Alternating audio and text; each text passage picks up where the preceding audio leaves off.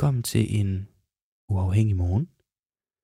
Jeg håber, du er vågen. Jeg håber, du er stået op. Vi har glædet os til at skulle have dig med på vores lille morgenprogram i dag. Og vi tror, det bliver godt. Det bliver uforudsigeligt. Der er mange ting, vi ikke ved, hvordan det ender, og derfor så er du og jeg her til morgen lidt i samme båd. Du ved ikke, hvad der skal ske, og det gør jeg heller ikke rigtigt. Jeg ved selvfølgelig, hvem vi skal snakke med, men hvor interviewsene de ender henne. Det må tiden jo vise. Vi ved, at vi vil spørge om, men vi ved jo ikke, hvad det er, de vil svare. Og øh, jeg synes sådan set bare, at øh, du skal læne dig godt tilbage, eller blive liggende, hvor du nu ligger. Og så vil, så vil vi gå i gang.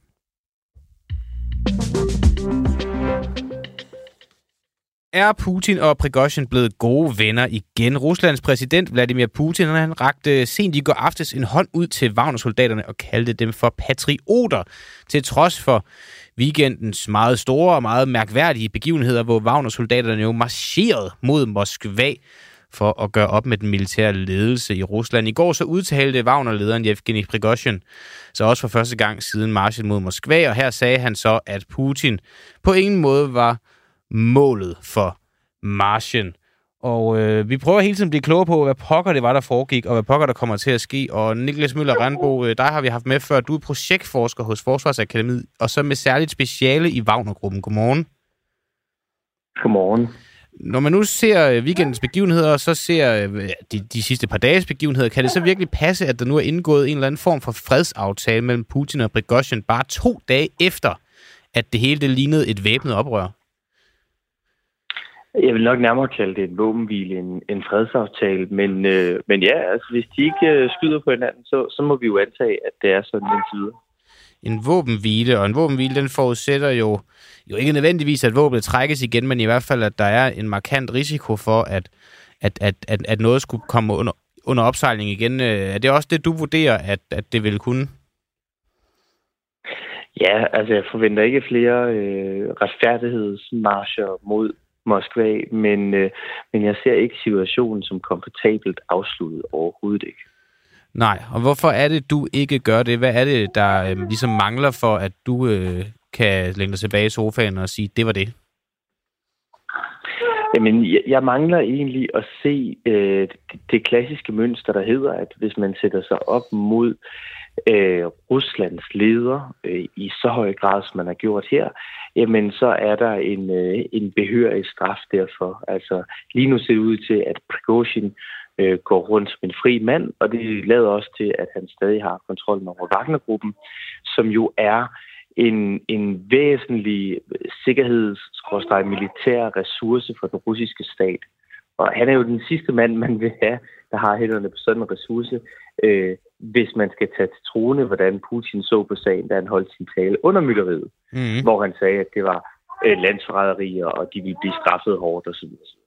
Ja, der er det jo bare en, en virkelig skærende kontrast, der gør, at man nu her med weekendens begivenheder, de sidste to dages begivenheder, kan sidde og tænke, hvad pokker er meningen med galskaben? Vi talte med tidligere FE-chef Jakob Korsbro i går, som ikke havde nogle bud overhovedet på, hvad meningen med galskaben var her i weekenden. Har du et, et bud, hvis man sådan tager, øh, tager nogle af episoderne, giver dem frem og ligesom prøver at finde noget mening med det? Hvad, hvad, hvad ser du så?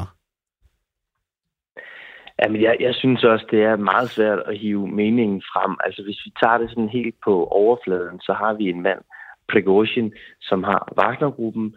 Øh, hvad han også har meldt sidenhen, det er, at øh, i, øh, i fredags, det var simpelthen dagen, hvor de var på vej hen for at øh, nedlægge Wagners våben og aflevere dem til det russiske forsvarsministerium. Han påstår så, at de bliver angrebet af det russiske forsvar, men under alle omstændigheder ved vi, at han er en presset mand, hans soldater skal skrive kontrakten af forsvarsministeriet, og han er på den måde på vej ud af den position, han er i.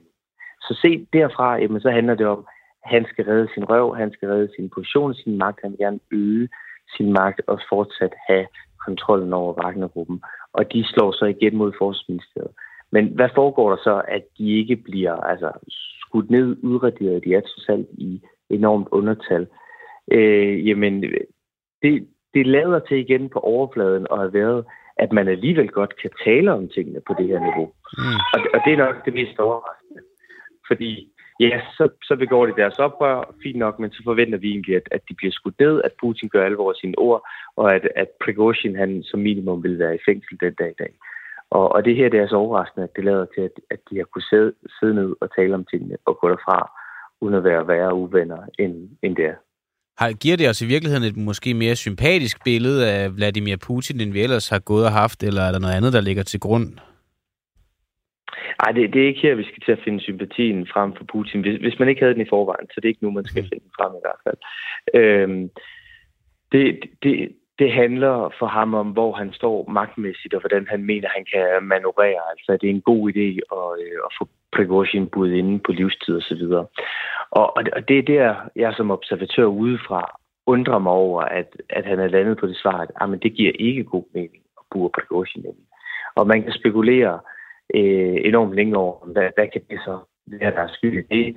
Øh, der er mange, der siger, at Prigozhin har alt muligt på ham, så, så derfor tør han ikke. Men ja, jeg tror ikke, det er Putin, han er mand, man normalt presser på den måde.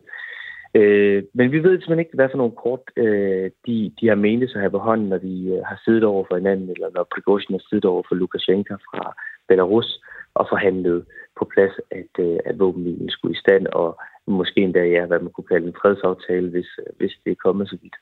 Ja, det var noget andet, Korsbro, han også øh, talte om i går, som lige berørte, der, at, at øh, han har ikke ret meget fidus til fortællingen om, at Lukashenko ligesom er den mælende part i det her. Han ved ikke helt, om han, om han køber, at det er sådan, det er foregået. Gør du det? Nej, jeg, jeg synes også, den sidder ubehageligt og mærkeligt her. Øh, der, der var folk, der var hurtigt ude og sige, ah, at Lukashenko er gamle venner med Prigozhin osv., Øh, men vi skal altså ikke særlig langt tilbage, før Lukashenko faktisk budede en masse fra Wagner-gruppen inden, der blev fundet på et hotel i Belarus, hvor han absolut ikke ville have, at de sad og hang ud og, og lignede en trussel for den øh, belarusiske statssikkerhed. Så, øh, så nej, det er heller ikke oplagt, at han sådan skulle kunne gå ind som meldende part. Øh, og, og det er også noget af det, der har fået rigtig mange mennesker til at tale om aftalt spil, fordi hele det her med, at man så rykker Prigozhin til Belarus. Hvad, hvad kunne der ligge i det? Kunne der ligge noget med, at så skal Wagnergruppen nu operere ud af Belarus i fremtiden? Øh, og på den måde øh, komme lidt længere væk fra Putin, på den måde komme lidt tættere rent geografisk tæt på Kiev. Men vi ved det simpelthen ikke. Og det er jo også den tanke, altså, som, som mange har, øh, har, har kastet op i luften, og vi venter den også kort med, med Korsbo. Altså aftalt spil. Men hvem pokker er det, der sidder og, og laver aftalen? Hvem spiller spillet? Er det Putin, der har, har aftalt det her spil med, med Lukashenko og, og Prigozhin, eller hvem? Altså, fordi han er sgu da ikke kommet ud på en bedre... Øh, på en bedre måde, end han kom ind i det her Vladimir Putin. Altså, hvem er det, der aftaler det her spiller, spiller det, hvis det er tilfældet? Jamen det, og det er også det, jeg vil holde fat i. Altså, Putin er virkelig ikke kommet godt ud af det her, og, og jeg kan ikke have forestillet mig, at man har siddet og planlagt det her, og så har tænkt, at han ville komme godt ud af det. Øh, et oprør inde i Rusland, det er altså den klassiske ting, som Putins styre har skulle undgå. Det har de haft på deres sikkerhedsagenda fra øh, siden 90'erne, før Putin trådte til, og, og det har været virkelig vigtigt for Putin at sørge for, at det aldrig kunne ske. Mm. Så ligegyldigt hvilke konspirationer og planer, han laver, så kan det i hvert fald ikke være svaret. Øh, så det skulle være nogle andre, der, der konspirerede med Prigozhin, hvis det endelig var. Men jeg tror også, det er den type planer, man, man ikke kan... Øh, man kan ikke aftale hele spillet fra, fra A til Å. Øh, man kan aftale at gå i gang, og så øh, aftale at have nogle venner og nogle forhandlingspositioner parat. Og, og der er der ikke en masse venner, der er sprunget ud til fordel for Prigozhin, i hvert fald ikke i offentligheden. Så skulle det være sket bag lukkede døre. Og igen, så ved vi bare ingenting om det. Nej, og, og nu ved vi så, den her tale, vi så i går, øh, Putin, han øh, jo nærmest takker Wagner-soldaterne og kalder dem for, i hvert fald kalder dem for patrioter. Øhm, at han går ud og holder sådan en tale her, hvor han jo faktisk taler varmt om nogle soldater, der lige har været under opsejling til at udøve en eller anden form for militært kup. Hvad, hvad, hvad, hvad, altså skaber det fred imellem Wagner-gruppen og militærledelsen? Skaber det løsninger på konflikten, eller hvad er det, det siger om hele situationen? Øh, jamen, det, det kan godt øh, afspænde situationen mellem øh, i hvert fald Kreml, og måske også lidt den øh, militærledelsen, og så Wagnergruppen.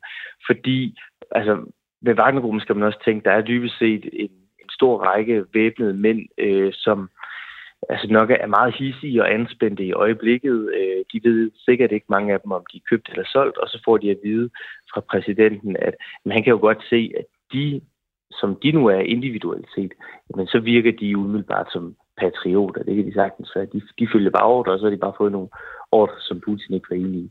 Men det er en, øh, alligevel lidt en bizarre måde at dyse situationen ned på, fordi de har rejst sig mod styret, og igen, historisk set, så er det noget, man vil slå hårdt ned på i Rusland. Mm. Og så har man så, altså nu har man jo så flyttet Prigozhin til Belarus, og, og han er, altså, selvom han er jo den største skikkelse, når vi snakker Wagner, så er han jo stadig kun én mand. Der er jo, som du også siger, måske en, en større forsamling af Wagner-folk, der er utilfredse, der er vrede. Prigozhin siger, at han havde 25.000 mand til at stå klar til at tage mod Moskva. Det er så et spørgsmål, om det nu var rigtigt, men der var i hvert fald flere tusind, øh, har jeg set flere steder øh, bekræftet. Øhm, så bare det, altså, Prigozhin er flyttet, ja.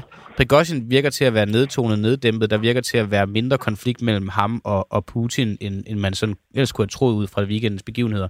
Men der er jo stadig alle de her mange, mange mænd, som fulgte Prigozhins ord, som, som drog mod Moskva. Altså, de er vel ikke neddæmpet nødvendigvis. Altså, kan de ikke finde på lige om lidt igen og, og lave noget tilsvarende? Altså, det skal jeg egentlig ikke kunne udelukke. Det, det er faktisk en, en klassisk risiko ved sådan nogle kupforsøg, at, øh, at når de på toppen prøver at lave aftaler, så løber flokken afsted med begivenheden. Øh, når det så er sagt, så er det også en, netop derfor en vigtig del af det, at man på forhånd sikrer sig, at dem, man laver et kupforsøg med, øh, de er meget lojale øh, direkte over for ledelsens ord. Så, så der er de to øh, hensyn, så at sige. På den ene side, det bør man have aftalt ud af. På den anden side, jo, det er en øh, rigtig risiko. Mm. Alright. Øh, Niklas Møller Randbo, projektforsker hos Forsvarsakademiet, og så jo så særligt med speciale i, i Wagner-gruppen. Tak fordi, at du var med her til morgen, og så må du have en, øh, en dejlig tirsdag. Tak for det. God dag. Ja, goddag og godmorgen til alle jer, der allerede er inde i chatten og skriver godmorgen. Der er flere, og det er jo dejligt, og I skal jo endelig også bare byde ind. I dag så vil jeg altså prøve at fokusere på, øh, for nogle gange så, så, så, så sker der så meget, mens vi sidder og sender, at man ikke får alle spørgsmål med, men i dag så vil jeg prøve at få så mange af jeres spørgsmål med som overhovedet muligt. Øhm, vi skal tale her lige om lidt med Jens Jule Nielsen, han er informationsdirektør i Coop, og ham skal vi tale med, fordi at vi i går lavede et interview med en mand, der kalder sig for Love Party. Det er vist også hans juridiske navn, altså Love Party Kærlighedsfest. Og han har lavet nogle billeder af nogle aftegninger, som han sælger på kopper og så videre, hvor at, ja, hvad der jo ligner Irma-pigen fremgår, det anerkender han vist også i går, at det er jo Irma-pigen, og derfor så har Coop stævnet ham for at bruge Coops varemærke, som jo er Irma-pigen, trods Irma er lukket. Jeg ved nu, der er et par stykker, der stadig er åbent hister her. Øhm, skal vi lige hurtigt øh, vende på, øh, på en nyhed, der falder lige samme boldgade, som vi lige talte om før med Niklas Møller og Randbro, i hvert fald noget, der har med Rusland at gøre, det er, at her til morgen, så flyver russiske kampfly i luftrummet over Østersøen, hvor de laver øvelser, der skal teste deres parathed til at komme i kamp og udføre specialoperationer. Det oplyser Ruslands forsvarsministerium på beskedtjenesten Telegram. Det skriver Reuters. Besætninger på SU-27 øh, det er et form for kampfly fra øh, Østersøflåden, skød fra luftborne våben øh, mod krydsermissiler og trapper af fjendtlige fly, lyder det fra ministeriet. Øvelsens primære formål er at afprøve besætningens parathed til at komme i kamp og udføre specialoperationer. Ifølge ministeriet så er kampflypiloterne på vagt i døgndrift for at beskytte luftrummet over den russiske enklave mod Østersøen, Kaliningrad. Ja, så, øh, så, så der sker sgu også lidt øh, ikke så langt fra os i den her krig, men den er jo faktisk heller ikke frygtelig, frygtelig langt fra os. Øh, en, en nyhed mere, som jeg lige øh, stussede over her, her i går, øh, som jeg så synes er sjovt, det er, at øh, dansk virksomhed trækker LGBT-støtte efter trusler mod ansatte. Ja, det er jo ikke sjovt på den måde. Den danske virksomhed Christian Hansen vil ikke længere have regnbueflag på deres sociale medier, det skriver børsen på baggrund af et lækket notat til selskabets medarbejdere, som avisen har set. Beslutningen den er taget for at beskytte amerikanske medarbejdere, der har været udsat for alvorlige trusler og aggressive anklager, lyder det. Så øh, nu er det også farligt at støtte LGBT, åbenbart. Og hvad er det for pokker der for en verden, vi lever i? Øh, ja, igen, byd ind, øh, hvis du har nogle øh, spørgsmål, hvis du har noget at sige. Du kan også bare sige, hej, jeg hedder John, eller hvad, hvad, der er i hvert fald en, der hedder John, der allerede har skrevet John Havgård, du skriver godmorgen, og, og, og godmorgen til dig, John. Man må sådan set skrive lige, hvad man vil, så længe man husker at holde det, der hedder den gode tone. Ja, Nå, men som jeg lige fik nævnt, så talte vi i går med en mand, der hed Love Party, som har øh, skabt, kreeret nogle værker, hvor på Irma-pigen fremgår. Vi lige så godt bare sige det som det er, det er sgu Irma-pigen. Og øh, det har fået Coop til at stævne ham for at øh, benytte de her, øh, det her varetegn, som jo i princippet er deres, og det er der jo ikke rigtig noget at, at sige til. Og øh, han er altså, han er ikke ligeglad, men han har tænkt sig at blive ved. Han gør det i kunstens navn. Han mener, det er hans kunstneriske frihed at, at skabe de her billeder med Irma-logoet på, når nu øh, Coop alligevel har valgt at slå Irma-pigen ihjel, som han mere eller mindre fik sagt i går. Og øh, Jens Jul Nielsen, du er informationsdirektør i øh, Coop. Godmorgen. Godmorgen. Ja, han, han, øh, han, han med Love Party, han har jo lavet de her billeder med jeres øh, logo på, med hjemmepine på, og I har så valgt at stævne ham. Hvad er det, der får jer til at stævne ham? Ja, for det første vil jeg sige, at vi havde helst undgået det, og vi har faktisk forsøgt en dialog med ham gennem det seneste års tid. Men øh, i løbet af i år har han optrappet øh, misbruget af vores logo, og der kommer stadigvæk øh, stadig flere produkter, som sælges til ganske høje priser, bare fordi der er vores logo på. Så hvis ikke vi reagerede, så ville det kunne opfattes som en, en stiltigende accept, og så vil derfor alle kunne misbruge et af Danmarks mest elskede mærker, og derfor er vi nødt til at forsvare det. Ifølge Love Party, så har han jo været i dialog med tidligere direktør i øh, Coop, øh, fra da han første gang begyndte at distribuere det her øh, billede med, med, med Irma-pigen på. Der kunne forstå, at der var en dialog, og ifølge ham, så var der endda også en eller anden form for samarbejde under opsejling. Han, ja, for det første, er det noget, du kender til? Ja, som jeg startede med at sige, jamen, så har vi haft en dialog med ham, som har straks er et øh, over det seneste år, øh, og netop for at undgå, at vi ender i, i sådan en, en sag som den, vi nu står midt i. Øh, men øh, det er faldet til jorden, og han har øh, tværtimod øh, accelereret sit øh, misbrug af, af mærket. Ja. Så øh, derfor øh, kommer sagen nu. Hans udlægning af, at det falder til jorden, der der skifter øh, direktør, der så tager kontakt til ham og har en helt anden tone. Han har ud fra den gamle aftale, øh, siger han til os i går, brugt et halvt års arbejde med både øh, arbejdstid og arbejdskraft øh, af sig selv, og også løn til, til ansatte, brugte et halvt års arbejde på at udføre det samarbejde, han øh, talte med tidligere direktør om. Øh, men da den nye direktør så kommer til, så er man overhovedet ikke interesseret i at videreføre noget af det her arbejde. Det var ikke en aftale, den nye direktør kendte til, og så ligger stævningen der. Øh, kan du afvise, at han har brugt et halvt års arbejde med både tid og penge på noget, som var en gammel aftale med den tidligere direktør, som nu er øh, spildt grundet en ny direktør er kommet til? Jeg kan afvise, at der eksisterer en aftale mellem ham og os. Så øh, hvad han har øh, brugt tiden på, det kan jeg selvfølgelig ikke vide. Men du kan, men kan du afvise, at den tidligere direktør har haft en aftale med Love Party, der øh, ligesom har forårsaget, ja. at han har brugt et halvt års arbejde, som nu er spildt? Ja, jeg kan afvise, at der er, er nogen som helst aftale. Øh, jeg kan bekræfte, at der har været en dialog, men der er ikke indgået nogen som helst aftale med ham. Og kan du også afvise, at ud fra den dialog skulle have ligget en stilletigende aftale, eller bare et, en forhandlingsgrundlag for at bruge et halvt års arbejde på noget, der så nu viser sig at være spildt? Ja, det kan jeg også godt uh, afvise, uh, at der er, der er tale om bevidst misbrug af mærket, og øh, der er en, en kommersiel udnyttelse, når han sælger kopper og t-shirts og plakater med Irma-logoet til meget, meget høje priser øh, i masseproducerede produkter, så er der altså tale om kommersiel udnyttelse af vores produkt imod øh, vores klare vilje og imod vores øh, øh, rettigheder. Så når han sidder og her hos os og siger, at der, der foreligger en, en vis form for aftale, der har forårsaget et halvt års arbejde med tid og penge, så siger du, at det faktisk ikke rigtigt. Det er nærmest som at lyve. Jeg siger, at det er ikke korrekt, at der er mm. nogen som helst form for aftale mellem øh, Art Pusher og Coop.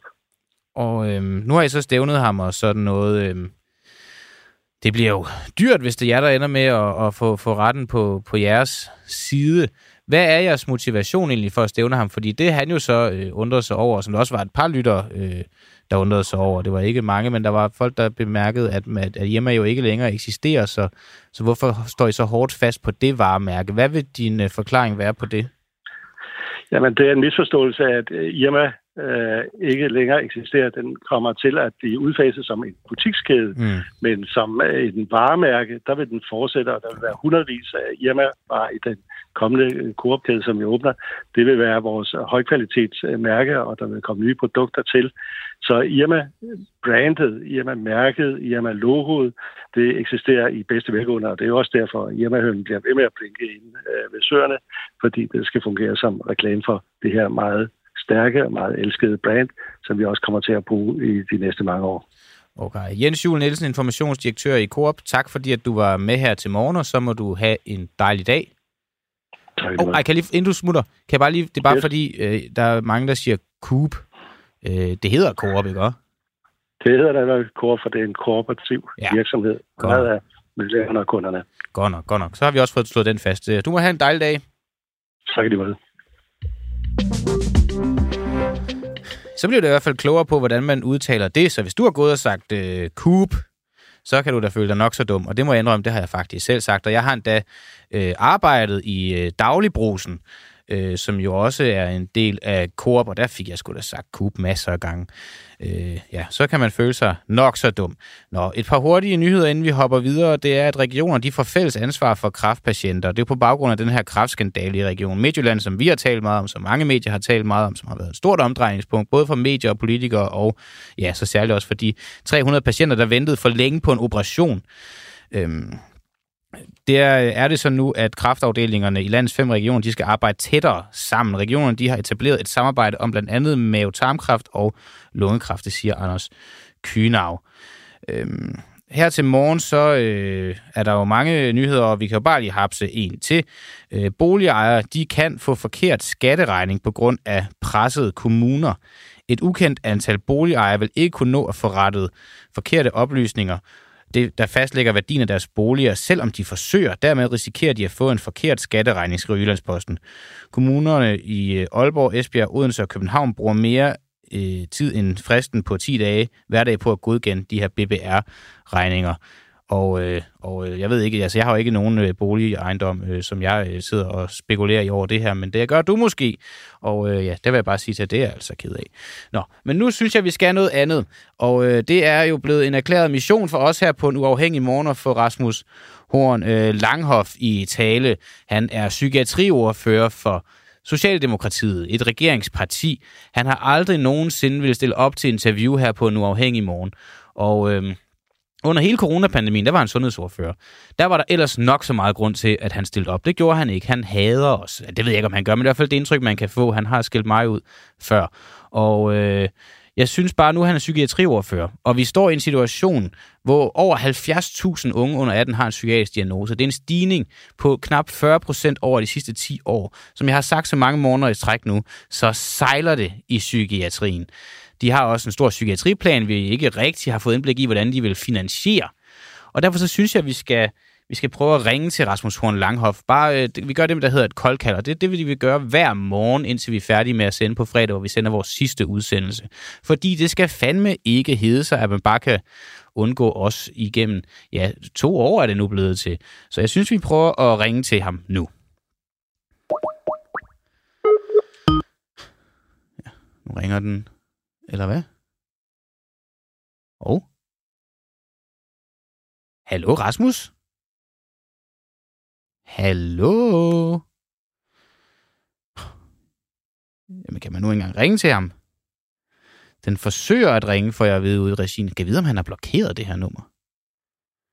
Det håber jeg ved Gud ikke, han har, fordi så er alle muligheder snart udtømte. Jeg har også flere gange prøvet... Du ringer til Rasmus Foran Langhoff. Jeg har ikke mulighed Nå. for at tage ligger en besked igen. Du er velkommen til at sende mig en sms ja. på 6162. Ja, vi muter lige så, at, øh, at vi ikke alle sammen render og sender en sms. Rasmus. Ja, e-mail, det kan man også prøve. Langhoff, det har vi også prøvet, Rasmus. ft.dk. Ja, det er også lidt tidligt, da vi ringer. Den er jo kun, kun halv, knap halv otte. Hej Rasmus. Det er Christian inden fra en uafhængig morgen. Ja, nu ringer jeg igen og efterlader dig en besked her på din telefonsvar. Det er med et massivt håb i sindet om, at du har lyst til at stille op til interview hos os. Du må endelig ikke forstå det her som en hits. Du må ikke forstå det som om, at vi bare for Gud og hver øh, mands skyld skal have fat i dig, men vi har altså en situation, hvor over 70.000 unge under 18 har fået en psykiatrisk diagnose. Som jeg også sagde i går, så er det en stigning på knap 40 procent over de sidste 10 år. Vi vil egentlig gerne høre, hvad I vil gøre ved det. Skal der gøres noget ved det? Er det okay? Kan man acceptere de tal? Kan man acceptere, at over 70.000 unge mennesker har en diagnose? Jeg har også en psykiatriplan. Hvordan vil I finansiere den? Det er i hvert fald ikke noget, jeg er blevet 100% øh, klar og belyst over. Så vi er egentlig bare generelt nysgerrige på at, at vide, hvordan I vil komme det her til liv. Så du må, jamen, jeg har jo ikke helt samme håb i stemmen, som jeg havde i går, da jeg ringede til dig, og det er jo bare fordi, at det ser lidt sort ud at få dig til at stille op, og jamen, jeg ved snart ikke, hvad jeg skal sige længere, Rasmus. Altså, kan du ikke bare stille op? Kom ind og snak med os. Det vil gøre os glade. Og så må du have en, en god dag. Hej. Ja. Sidste nyt fra øh, Frihedsbred her til morgen, det er, at øh, krigsskat og øh, byråkrati og tilbagekløbsklausul. Salget af Carlsbergs russiske forretning er langt fra slut. Det er en artikel her til morgen af Mikkel Jensen, der lige er udkommet. Der er gået halvandet år siden Carlsberg annoncerede, at bryggeriet vil frasælge dets russiske aktiviteter, der udgør næsten 10 procent af selskabets omsætning. Nu er de russiske aktiviteter endelig blevet solgt.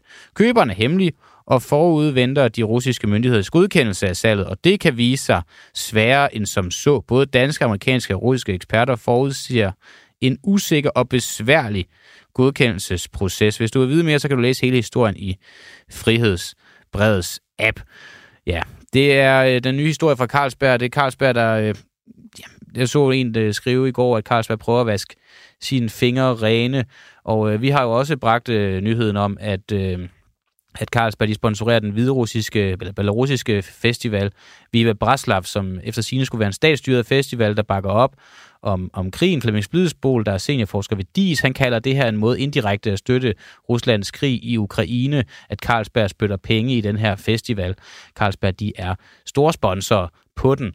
Og de har ikke vil stille op til interview hos os om, hvorfor de vælger at sponsorere den. De har ikke vil svare på det eneste spørgsmål omkring det her. Det er jo sådan, at vi også stadigvæk ønsker svar på. Vi har også prøvet at ringe til Carlsberg her i morgenudsendelsen for at få dem til at stille op, men det er heller ikke lykkedes.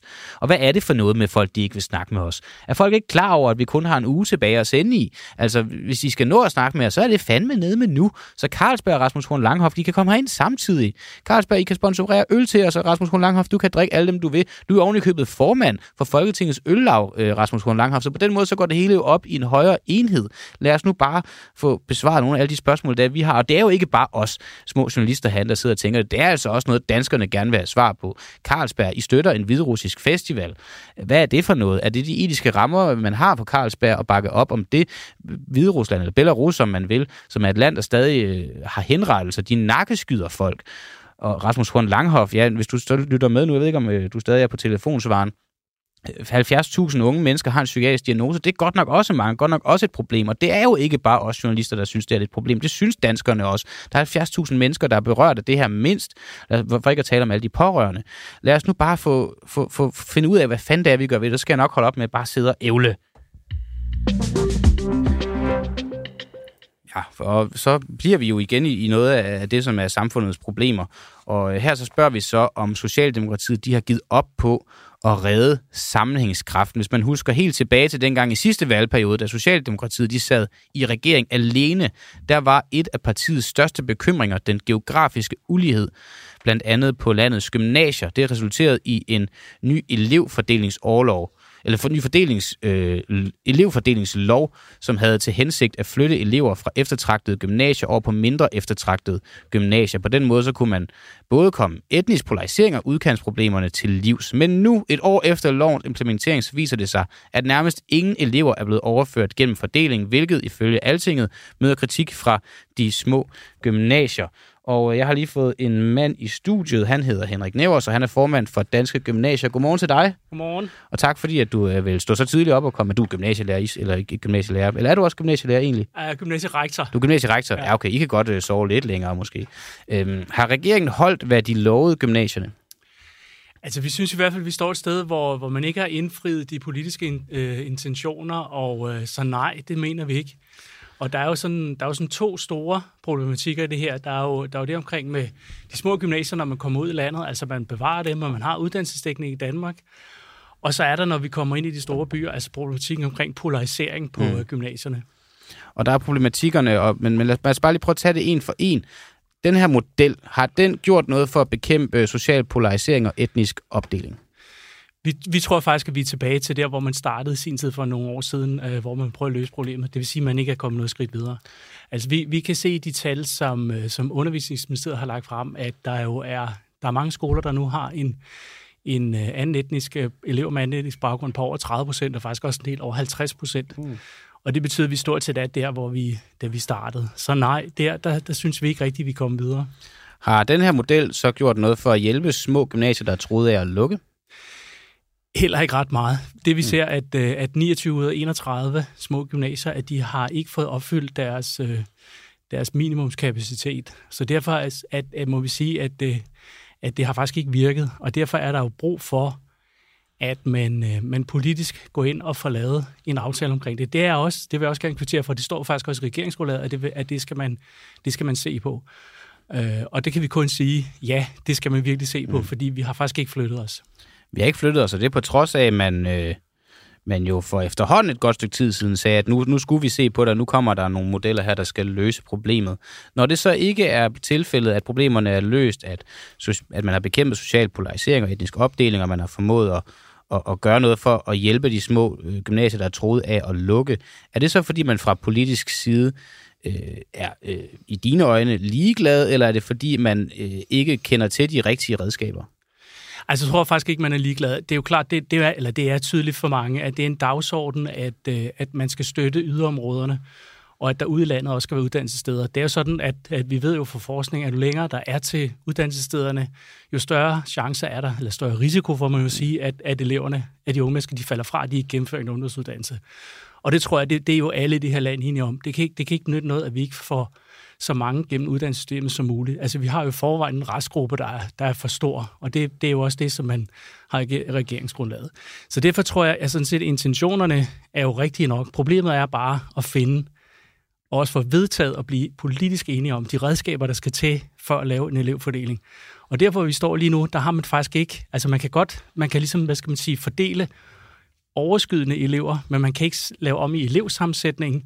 Og når, og når vi kommer til, øh, til ud i landet, altså her omkring udkantsproblematikken, så skal man vælge en anden model og fordele efter et andet greb. Mm.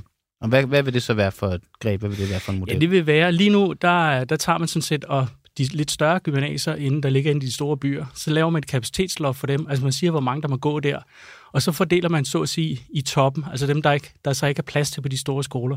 Men det er jo ikke sikkert, at de alle sammen bor ude omkring de små skoler ude i landet. Mm. Og derfor skal man faktisk starte med at se på de små skoler, og så give dem elever først, og så kan man så fordele resten. Det, det er det relativt enkle greb. Og der, efter vores bedste vurdering, så gør man, så gør man faktisk, at det er et forkert greb, man bruger, når man kommer til udkantsgymnasierne. Men hvorfor bruger man ikke jeres greb? Hvorfor gør man ikke det, som, øh, ja, som du også fremlægger det her, lyder som et relativt simpelt greb? Er det et dyrt greb? Der er faktisk ikke noget, øh, der er stort set ikke noget økonomi i det. Det man selvfølgelig, mm. der er altid, der er som regel altid en pris ved, ved, ved de forskellige øh, modeller, og det er der også i den her. Så betyder det, at dem, der bor ude omkring de små udgangsgymnasier, det er der, de skal gå. Det vil sige, de kan ikke søge ind til de store byer.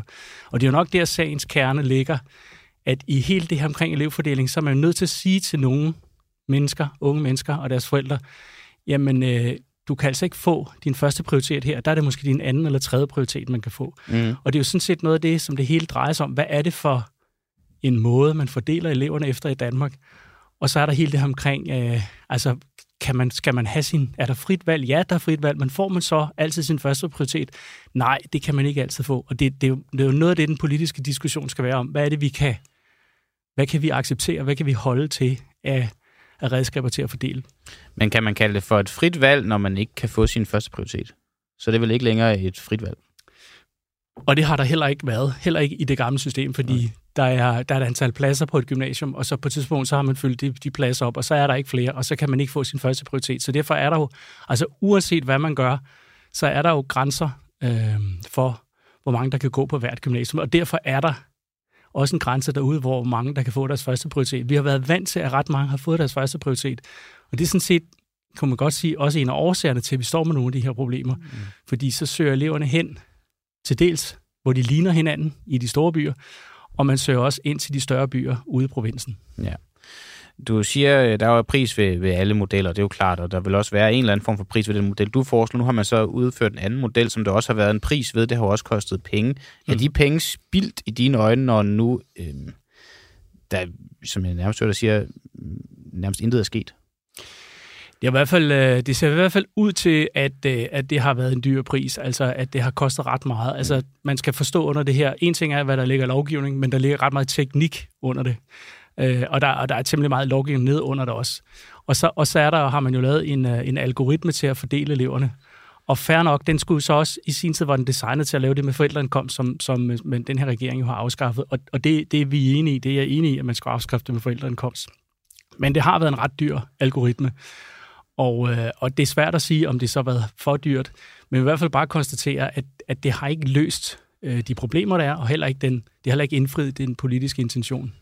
Og når vi så taler om, altså vi er nok også nødt til at forstå problemet i sådan lidt bredere perspektiv, fordi man kan jo også godt tænke, Nå, men det væsentligste det er vel, at øh, de unge, der starter på gymnasiet, de gennemfører. Det må være det, vi har som hovedmål. Hvis de små gymnasier så ikke kan overleve, så er det fordi, at øh, alt det der udbud efterspørgsel, der er ikke nok interesse herfor. Altså, øh, og så samtidig også, hvis, hvis der er en social polarisering og en etnisk opdeling, jamen, og hvad så?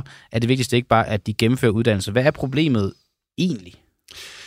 Ja, hvis, og så tror jeg, man skal tage dem hver for sig, de to ja. problematikker. Ikke? Altså netop, vi har udkantsproblematikken, og så har vi polariseringsproblematikken. Hvis vi nu starter med ude i det ganske land, så, øh, så er det jo, at øh, sat, øh, ikke, det er ikke engang sat på spidsen, men, men for at line op, så er det et spørgsmål om de små gymnasier ude i de små byer er der. Mm. Altså, der, der, der, det, det er simpelthen det, det handler om. Men hvis folk ikke vil gå der, hvad er problemet? Det er der så? også en del, der ved, men, men man er nødt til, dem, der bor i de områder, er man nødt til at holde hjemme, så at sige, på de gymnasier, for at det skal kunne løbe rundt. Og det er jo både økonomi, men det er også, hvor mange man går i klasse med, og der skal være fag, og der skal, og det skal, der skal være et studiemiljø. Og det, det tror jeg, man bliver nødt til at tage den beslutning. Jeg vil sige, hvis, hvis der ikke er de små gymnasier, så er der jo nogen, der får meget langt. Jeg tror også, man må sige urimeligt langt nogle steder mm. til skole. Og, og så har vi jo en, også en problematik med, med, med mindre byer, øh, som jo øh, altså måske simpelthen ikke kan fungere som byer. Altså jeg tror, hvis man, hvis man kommer og siger til, til byer som øh, Fjertsløv øh, og så videre, jamen at der kan ikke Dronning Lund og så videre, og, og også i Nakskov, og der, der er ikke mere et gymnasium der, så tror jeg, man bliver rigtig ked af det. Mm. Altså jeg tror også, man som borgmester og som, som kommune og som by vil være rigtig ked af det. Lidt parallelt også som med, med sygehus, som vi ser andre offentlige institutioner. Ikke? Åh oh ja, altså jeg kommer selv fra en lille by med et lille gymnasium, så, altså, men det er jo bare mere sådan en nostalgisk værdi for mig, det gymnasium, det har, at det overlever. Men jeg kan da alligevel godt tænke, når, hvis, hvis, hvis, hvis der bare ikke er efterspørgselen på at gå på det gymnasium, jamen så må det jo være sådan, vores samfund er skruet sammen. Altså, hvem er det, der skal tvinges til at gå på de små gymnasier, hvis de ikke har lyst? Ja, det er jo dem, der bor ude, om, ude omkring de små gymnasier. Der er også mange, der gerne vil gå der, men, øh, men det, er, det er det, at vi foreslår, og det er det, der reelt kan holde liv i de små gymnasier. Ja. Og så skal, man skal også lige huske, at det, der, der er også det faktum jo, at vi jo har meget faldende ungdomsårgange, og det har vi frem til 2030 cirka. Og derefter så stiger ungdomsårgangene igen, så man kan sige, at vi skal sådan set også igennem en periode her på en på en 6-7 år, hvor der, er, hvor der er få unge mennesker, og så stiger det lidt igen. Så derfor din, den næste periode her, den, den er sådan set ret afgørende. Ja. Og vi ved jo også godt, hvis, hvis først man har lukket et, øh, en uddannelse et sted, jamen, så er det faktisk svært at få den tilbage igen. Så det, det var bare lige for at forstå noget problematikken. Så, så her til sidst, altså hvad, øh, du er formand for Danske Gymnasier, du, altså, hvad, hvad, hvad, hvad gør du, hvad gør I for at få regeringen til at, at ja, makke ret, det er måske så meget sagt, men i hvert fald at få dem til at, at vågne op og forstå, at den model, de har implementeret, ikke virker, og at de faktisk har et forslag til en model, der virker. Hvad, hvad gør I herfra? Ja, men vi er jo til det, så vi netop også ude i medierne sige her, øh, nu, nu må I lige høre det her, det virker faktisk ikke, og vi kan se det, og det kan vi se både i tallene, og det er det tilbagemelding, vi får. Så mm. snakker vi selvfølgelig med uddannelsesordførerne, vi snakker også med vores minister, og vi har faktisk også jo som du kan høre, nogle konkrete forslag. Det har vi faktisk også, når det handler om, om polarisering, altså når vi kommer ind i store byer, hvor der jo er en, opstået en ret øh, stor skæv liv, øh, hvad hedder det, skævvridning af elevsammensætning på en del gymnasier. Og, og det har vi også en model til, hvordan man kan, man kan løse det. Faktisk egentlig nok flere modeller, fordi det er et af vores udgangspunkter, at man kan nok ikke finde én model for hele landet, der kan fungere, men der faktisk kan, kan bruges nogle forskellige værktøjer. Mm.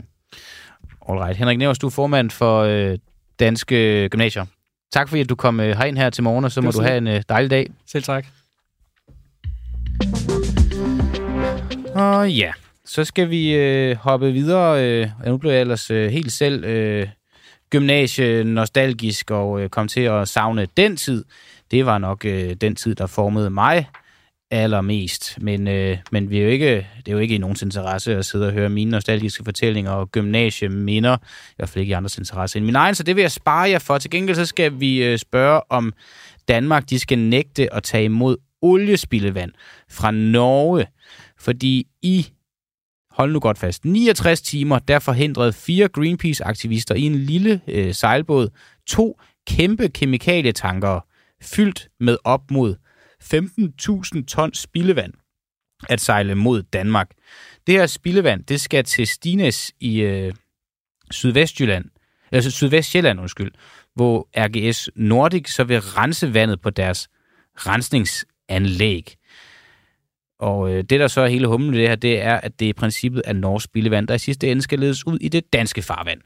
Den ene tanker, den nåede i går til Storebælt, hvor aktivister fra Greenpeace på ny blokeret for tankeren. Og øh, nu kalder Alternativet så på behandling fra Miljøminister Magnus Heunicke. Og øh, det var, øh, hvis vi bare lige skal have den der i går, så øh, sent i går aftes, så, øh, hvor man blokerede den her fra, øh, så, så skete det, at man ved, ved 18-tiden øh, anholdte de øh, aktivister, der øh, øh, havde, havde blokeret tankerne, og de blev så løsladt igen her klokken halv 12 i nat.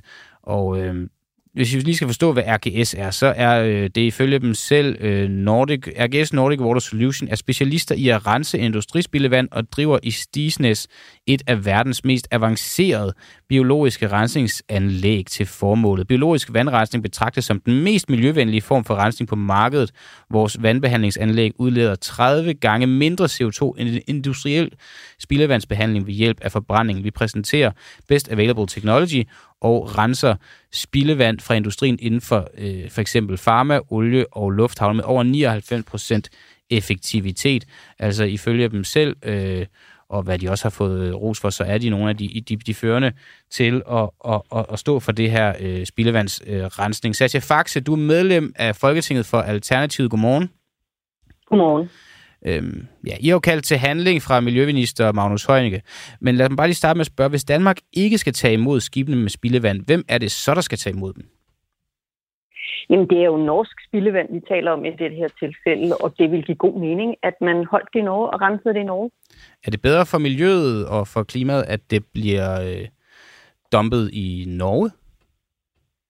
Ja, altså et, der er jo hele transportdelen, men den anden del af det er, at Norge rent faktisk har strengere miljøkrav. Øh, så det er den anden del af det, så det, der vil det sandsynligvis blive renset bedre. Øh, men den tredje del er, at der er simpelthen et internationalt princip om, at man ikke sender farligt affald på tværs af grænser og ikke ødelægger hinandens natur. Det er nedfæstet i Basel-konventionen, men den er så lige en lille smule hvad kan man sige, vag i det, fordi hvis man kan anskueliggøre noget af det, bliver anvendt til noget andet, og der er ikke nogen procentsats på det, så må man godt. Og det er det, der sker i det her tilfælde. Det er cirka 3 procent af det, man siger, man kan bruge. Mm. Og derfor kan man faktisk omgå konventionen på den måde. Så, så hvis vi har lavet affald i Danmark, så skal vi håndtere det i Danmark. Laver man affald i Norge, så skal man håndtere det i Norge. Men du siger så i forhold til, at det var bedre, at det er i Norge, at så er der hele transportdelen, det går ud fra i forhold til øh, CO2-udslip ved at, at få for ligesom sejlet skibene til Danmark, og så er det, bliver det sandsynligvis også renset bedre i Norge. Har du nogen tal, noget dokumentation, der bakker dig op i den påstand? Jamen, der er flere ting, altså, som, som det gør anderledes i Norge. Det er, at øh, blandt andet bruger man ikke øh, rent drikkevand til, og, altså det må man simpelthen ikke i Norge, som man må i Danmark til at, at, at blande op med. Det har jo nogle konsekvenser også. Ikke? Men, men i og med, at de har nogle strengere krav til, hvor, hvor meget det skal renses, så vil det jo være mindre, der kommer ud i verdenshavene. Altså en ting er, hvad de lokale... Men vil RGS Nordic ikke kunne leve op til de øh, grænser, der er i Norge? Altså, øh, jeg tænker bare om, om det er godt, at du siger, der er strengere krav, men det er, sådan, det er jo en ting. Noget andet er, om, om RGS Nordic så alligevel formår at holde sig under de strenge krav, og måske endda endnu bedre, når de gør det her i Danmark. Jeg er ikke øh, forsker og har ikke siddet og kigget på det, men det jeg hører fra dem, der har taget målinger på det og kigget på det, så er det, er det ikke tilfældet. Det vil ikke kunne øh, opfylde de norske krav, sådan, som mm. jeg har forstået det. Er det værre, at der men bliver forurenet? Anden... Nå, undskyld.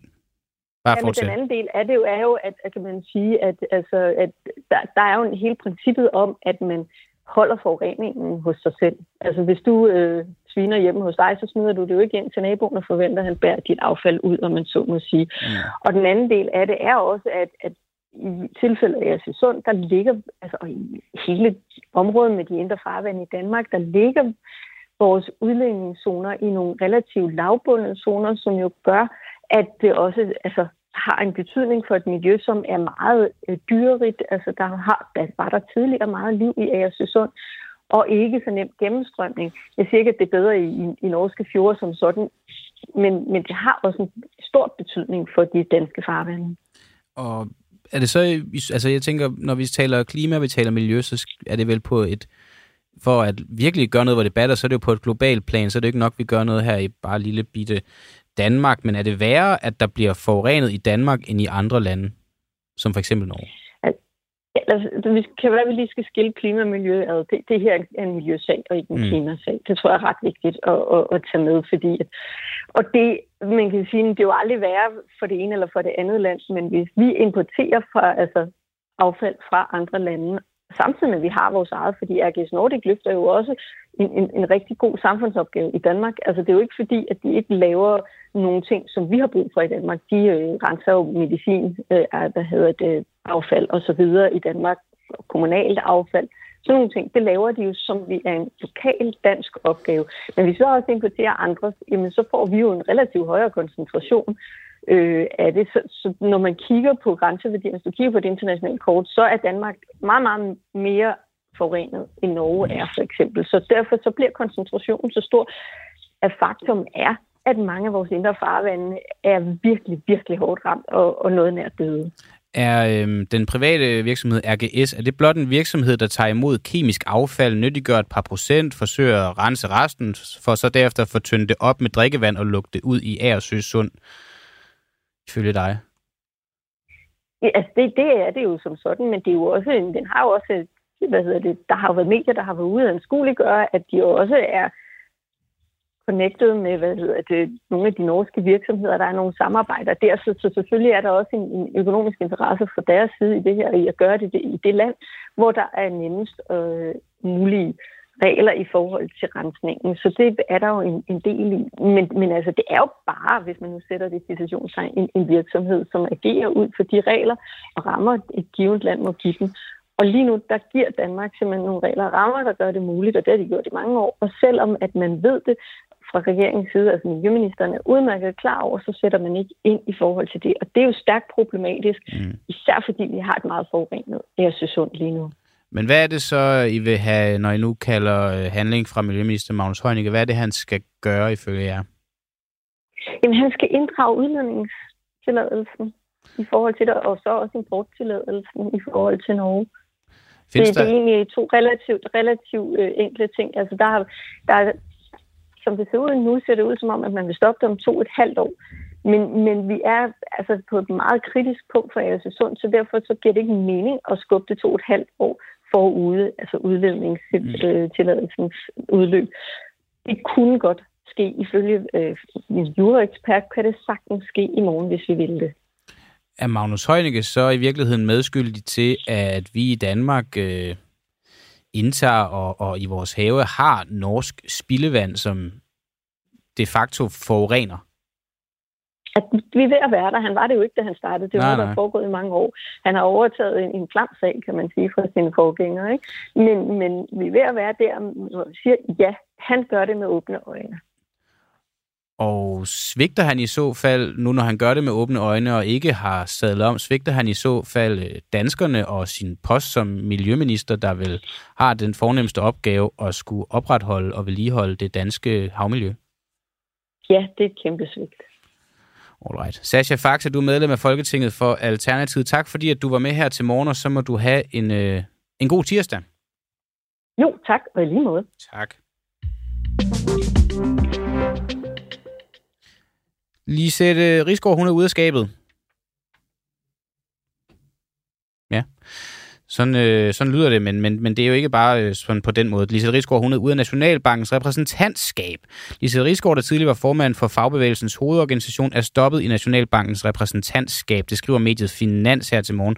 Nationalbanken bekræfter, at Rigsgaard ikke længere er i repræsentantskabet, men ønsker ikke at uddybe årsagen. Så kan man sidde og tænke, jamen kan vide, hvad årsagen kan være til det? Hvad har der været med hende, Lisette Rigsgaard? Det ved jeg ikke, om der er nogen, der, der husker. Den sag er jo sådan set også snart glemt. Eller hvad er den det? Glemmer du, så husker vi. Nå, vi skal videre. Fordi øh, nu skal vi tale om nogle andre politikere inde på Christiansborg, nemlig dem, der sidder i Dansk Folkeparti. Og vi skal spørge, om Dansk Folkeparti løber fra regningen på varer, de har bestilt. Det er ved Gud lidt af et drama, der har udviklet sig mellem DF og galleristen Erik Gullager, som sælger mange af Kurt Vestergaards værker. Gullager, som tidligere har handlet med medlemmer af DF, af DF skulle have aftalt at sælge en Vestergaard-tegning til vendepris. Men venskabet forliste desværre til synlædende samtidig med, at partiet fandt ud af, at de ikke kunne betale for tegningen med offentlige midler. Nu har han opgivet at løse konflikten og overvejer at sende DF til en kasso. Erik Gullager, du er gallerist og indehaver af galleriet Gullager. Godmorgen. Godmorgen. Øh, har DF øh, løbet for regningen på den kunst, du har aftalt at sælge dem, siden du øh, overvejer at få en mand til at komme ud og banke på Morten Messersmiths dør? øhm, ja, det har de. Øhm, det handler om, at de helt tilbage i sidste år, i 30. december, rettede henvendelse til mig for at få udsmykket deres grupperum. Mm. Og efter øh, en, en længere øh, samtale med flere forskellige derovre, øh, så fandt vi frem til helt specifikt, altså helt specifikt fire værker, som de så valgte at købe.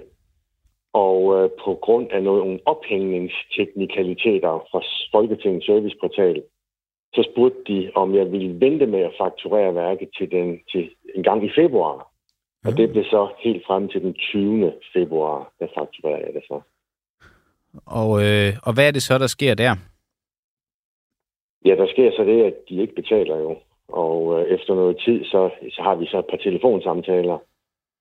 Og øh, de fortæller så, at Folketingets serviceportal øh, trækker tiden lidt ud. De kan ikke komme i kontakt med dem, og der er flere tekniske problemer omkring det.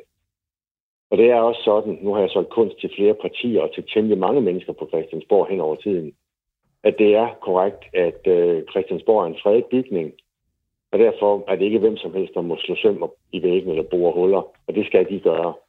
Og det var så det, der var problemet. Mm. Så har vi så vendt tilbage nogle gange frem og tilbage.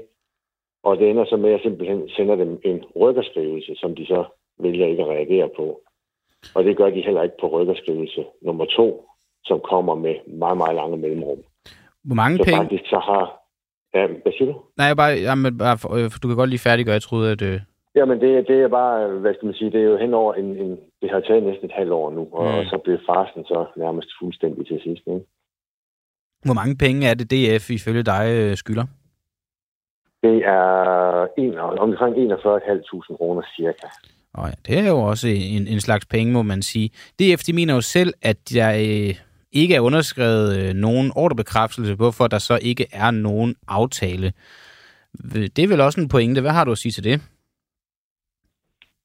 Nu har jeg solgt kunst, også til dem, men også til alle mulige andre i 39 år, og jeg har mere end 5.000 handler bag mig. Øh, jeg har aldrig nogensinde lavet en, en, øh, en ordrebekræftelse, fordi det har vi aldrig gjort, det bruger vi ikke. Mm. Øh, til gengæld har jeg skrevet til øh, både øh, Chris Bjergnes og øh, Christian Bylov og andre over DF, at nu er deres værker rammet ind, og så skal vi have en dato for levering. Og det har de selvfølgelig specielt bestilt indramninger helt unikt til de værker. Herunder også til værker, som en, øh, en ansat, øh, det vil sige øh, Christian Bylov, personligt har solgt ind i den udsmykningspulje, har solgt til DF af hans egne værker. Det er også blevet specielt indrammet. Det fremgår faktisk af fakturen. Og det har de på intet tidspunkt anfægtet. De har aldrig fortalt, at fakturen var lavet forkert, eller der var noget galt med den. Men de har hele tiden ventet på en, øh, en afklaring fra Folketingets serviceportal, og skrevet, at de har ikke hørt fra Folketinget endnu, så den er sådan set indirekte bekræftet masser af gange. Og jeg har aldrig haft problemer med at sælge noget til Christiansborg eller til Dansk Folkeparti eller andre. Men de gør det så på et meget sent tidspunkt, øh, da det er faktisk øh, ganske få dage siden, 10 dage siden, tror jeg, der skriver deres partisekretær eller deres sekretariatchef så til mig, om jeg har en ordrebekræftelse. Mm. Og det har jeg jo ikke, fordi det bruger vi ganske enkelt ikke og har aldrig brugt. Og så det er ligesom deres øh, exit på den, så kan de så trække sig ud af handelen, tror de. Men nu har jeg jo altså for længst indrammet nogle værker. Jeg har sågar været på vej over til Christiansborg med dem. Mm. Og øhm, der har jeg så talt med Chris Bjergnes, og der skal man have det, der hedder en indkørselstilladelse. Ja. Fordi man skal komme og få sin nummerplade godkendt, så bommen går op, så man kan køre ind. Og øh, det glædede han sig til, og han havde klart det hele, og alt var klart, og jeg skulle da endelig bare komme. Øh, men 20 minutter før jeg er på Christiansborg, får jeg så en sms om, at, eller jeg får faktisk en opringning fra, fra, fra Chris Bjergnes, at han var meget, meget ked af at sige det, men han har lige pludselig fået at vide, at jeg skulle altså ikke komme alligevel. Og der var du kun 20 Og, minutter fra øh, Christiansborg. Ja, holdt jeg, ja, der holdt jeg vel i, i solrød eller sådan noget. Okay. og så, så står man lige og tænker, hvad, hvad er det egentlig lige, der foregår? Øh, og, og nu kan jeg så ligesom fornemme, at øh, de har ikke pengene. De ønsker ikke at købe det, til trods for, at jeg også fik handlen bekræftet ved Morten Messersmith, som var meget, meget begejstret for lige præcis det valg af værker. Og vi skulle have fernisering derover, vi skulle have presse på, og jeg skulle underskrive bøger, signere dem bøger, jeg har udgivet, og der Mm. var slet ingen grænser for, hvad der skulle være af presse på den her ophængning. Det var det helt store show, der var lagt Ja, op men til. det, og det var fint. Altså, Morten er jo en flink og rar fyr, og det er de sådan set alle sammen. Øh, Jeg synes bare, det ville have været rart, hvis de så også betalte for det, som de har bestilt, og det, som jeg har ramt ind til dem. Nu, øh, han var oppe og køre over de her øh, tegninger her. Øh, kan, kan vi bare lige få at vide, hvad der, hvad der er på dem? Det er fire værker, som Kurt Vestergaard valgte for lang tid siden, før han stod, længe før han stod, det var helt tilbage i 2013, tror jeg, eller 14. Der lavede vi en såkaldt Memorial Edition, en, en, en speciel serie med fire særlige kunstværker, udvalgt af Kurt, som havde stor betydning for ham personligt. Mm. Og de var så til, de skulle så udkomme efter hans død. Ah, Og, øh, og det er, kan man læse lidt om i den bog, jeg har skrevet, der hedder I Kurts Kølevand. Der står lidt om det. Ja. Og øh, der havde vi så øh, et par sæt til, til overs. Der er lavet 40 sæt af dem i alt. Og, og, og Dansk Folkeparti var jo nærmest begejstret for at kunne få det ene af de her sæt. Og, og det var så også til en, en ganske særlig pris, de har fået den til. Og indramningen skulle jo heller ikke koste noget, så det fik de til kostpris. og hvad er det, der er på tegningerne? Hvad er det, Morten Messersmith Der han særlig godt kunne lide? er, der er øh, i særdeleshed, øh, det, det, det er fire meget kendte værker, der de hedder Safe House 1 og Safe House 2. Mm. Og så er der et, øh, et værk, der hedder Free Speech. Og så er der et, der hedder Mor Danmark og Mohammed. Okay. Og det er, det er nogle øh, meget, meget, meget smukke og øh, virkelig højt profilerede værker fra Kurt Vestergaards hånd. Hvad er der på, på den sidste, du nævnte der? Hvad var det, den hed? Danmark og Mohammed? Mohammed og Mor Danmark er lavet på samme tid som de to øh, på Safe House 1 og Safe House 2 på et tidspunkt, hvor Kurt er, er meget, meget øh, jaget og bliver kørt fra det ene sikre sted til det andet. Ja. Og der ser man en, øh, en kvinde stå med en, øhm, en, en, en pen i hånden, og bagfra nærmer der sig så et, en, øh, en, en, et frådende uhyre med, med bombe i turbanen og, og krum sabel. Og det er jo så sådan en slags det lyse mod det mørke, kan man sige. Ikke? Hmm. Bare lige her til sidst, når du siger, at øh, du kørte over for at vide 20 minutter før, du skal ikke komme alligevel, når du får at vide, at øh, jamen, der er ikke nogen ordrebekræftelse, så vi har ikke nogen aftale, hvor I så, som du siger, aldrig nogensinde før har brugt en ordrebekræftelse, heller ikke på dine handler med DF, det har aldrig været en ting før. Føler du dig så som gallerist øh, taget godt og grundigt i røven af DF? Jeg tror, jeg ved ikke rigtig, hvad jeg skal mene om dem efterhånden, fordi der har været, de, de har jo kørt sagen rundt fra den ene til den anden, til den tredje, til den fjerde. Det er ligesom om, der ikke rigtig er nogen, der vil, vil, vil stå ved aftalen og beslutningen, til trods for, at de alle sammen har været meget begejstrede og bestilt de her varer, Mm. samt har bestilt indvand, eller hvad hedder det, indramning til dem. Mm. Øh, så de, de har så lavet et, øh, de har brugt, skal vi sige, rigtig meget af min tid, og de har sådan set også brugt rigtig mange af mine penge. Og, øh, og det har jeg jo gjort i, som, en, som altid, i god tro. Øh, de har så åbenbart fået kolde fødder og har brugt, som sagt, også meget af min tid. Mm. Og øh, det har så betydet, at med den behandling, jeg nu har fået overfra de seneste sms'er og de skriv, de har sendt ud internt, der har jeg måttet sige til dem, at, øh, at nu, er, øh, nu er vi der, hvor vi ikke skal handle sammen mere. Okay. Det skal du ikke Så, risikere så Dansk igen. Folkeparti har ikke, har ikke mulighed for at, at, at tage mere af min tid og, og, flere af mine penge nu. Alright. Erik Gullager, gallerist og indehaver af galleriet Gullager. Øh, tak fordi du var med her til morgen og fortælle om øh, din lille fejde med Dansk Folkeparti, og så må du have en dejlig dag. I lige måde der. Og øh, tak til dig, der lyttede med derude. Øh, programmet det er sammensat af en uafhængig redaktion, fordi Peter Svarts han var i sommerhus i går, så det har vi alle sammen gjort i fællesskab, det her program. Ude i regien, der sad Oliver Nuppenau med en stor æske frelsens chokolade, de, den med lys chokolade og karamel, som han spiser flittigt dag for vi har fået dem doneret af en meget venlig lytter. Tak fordi, at du lyttede med.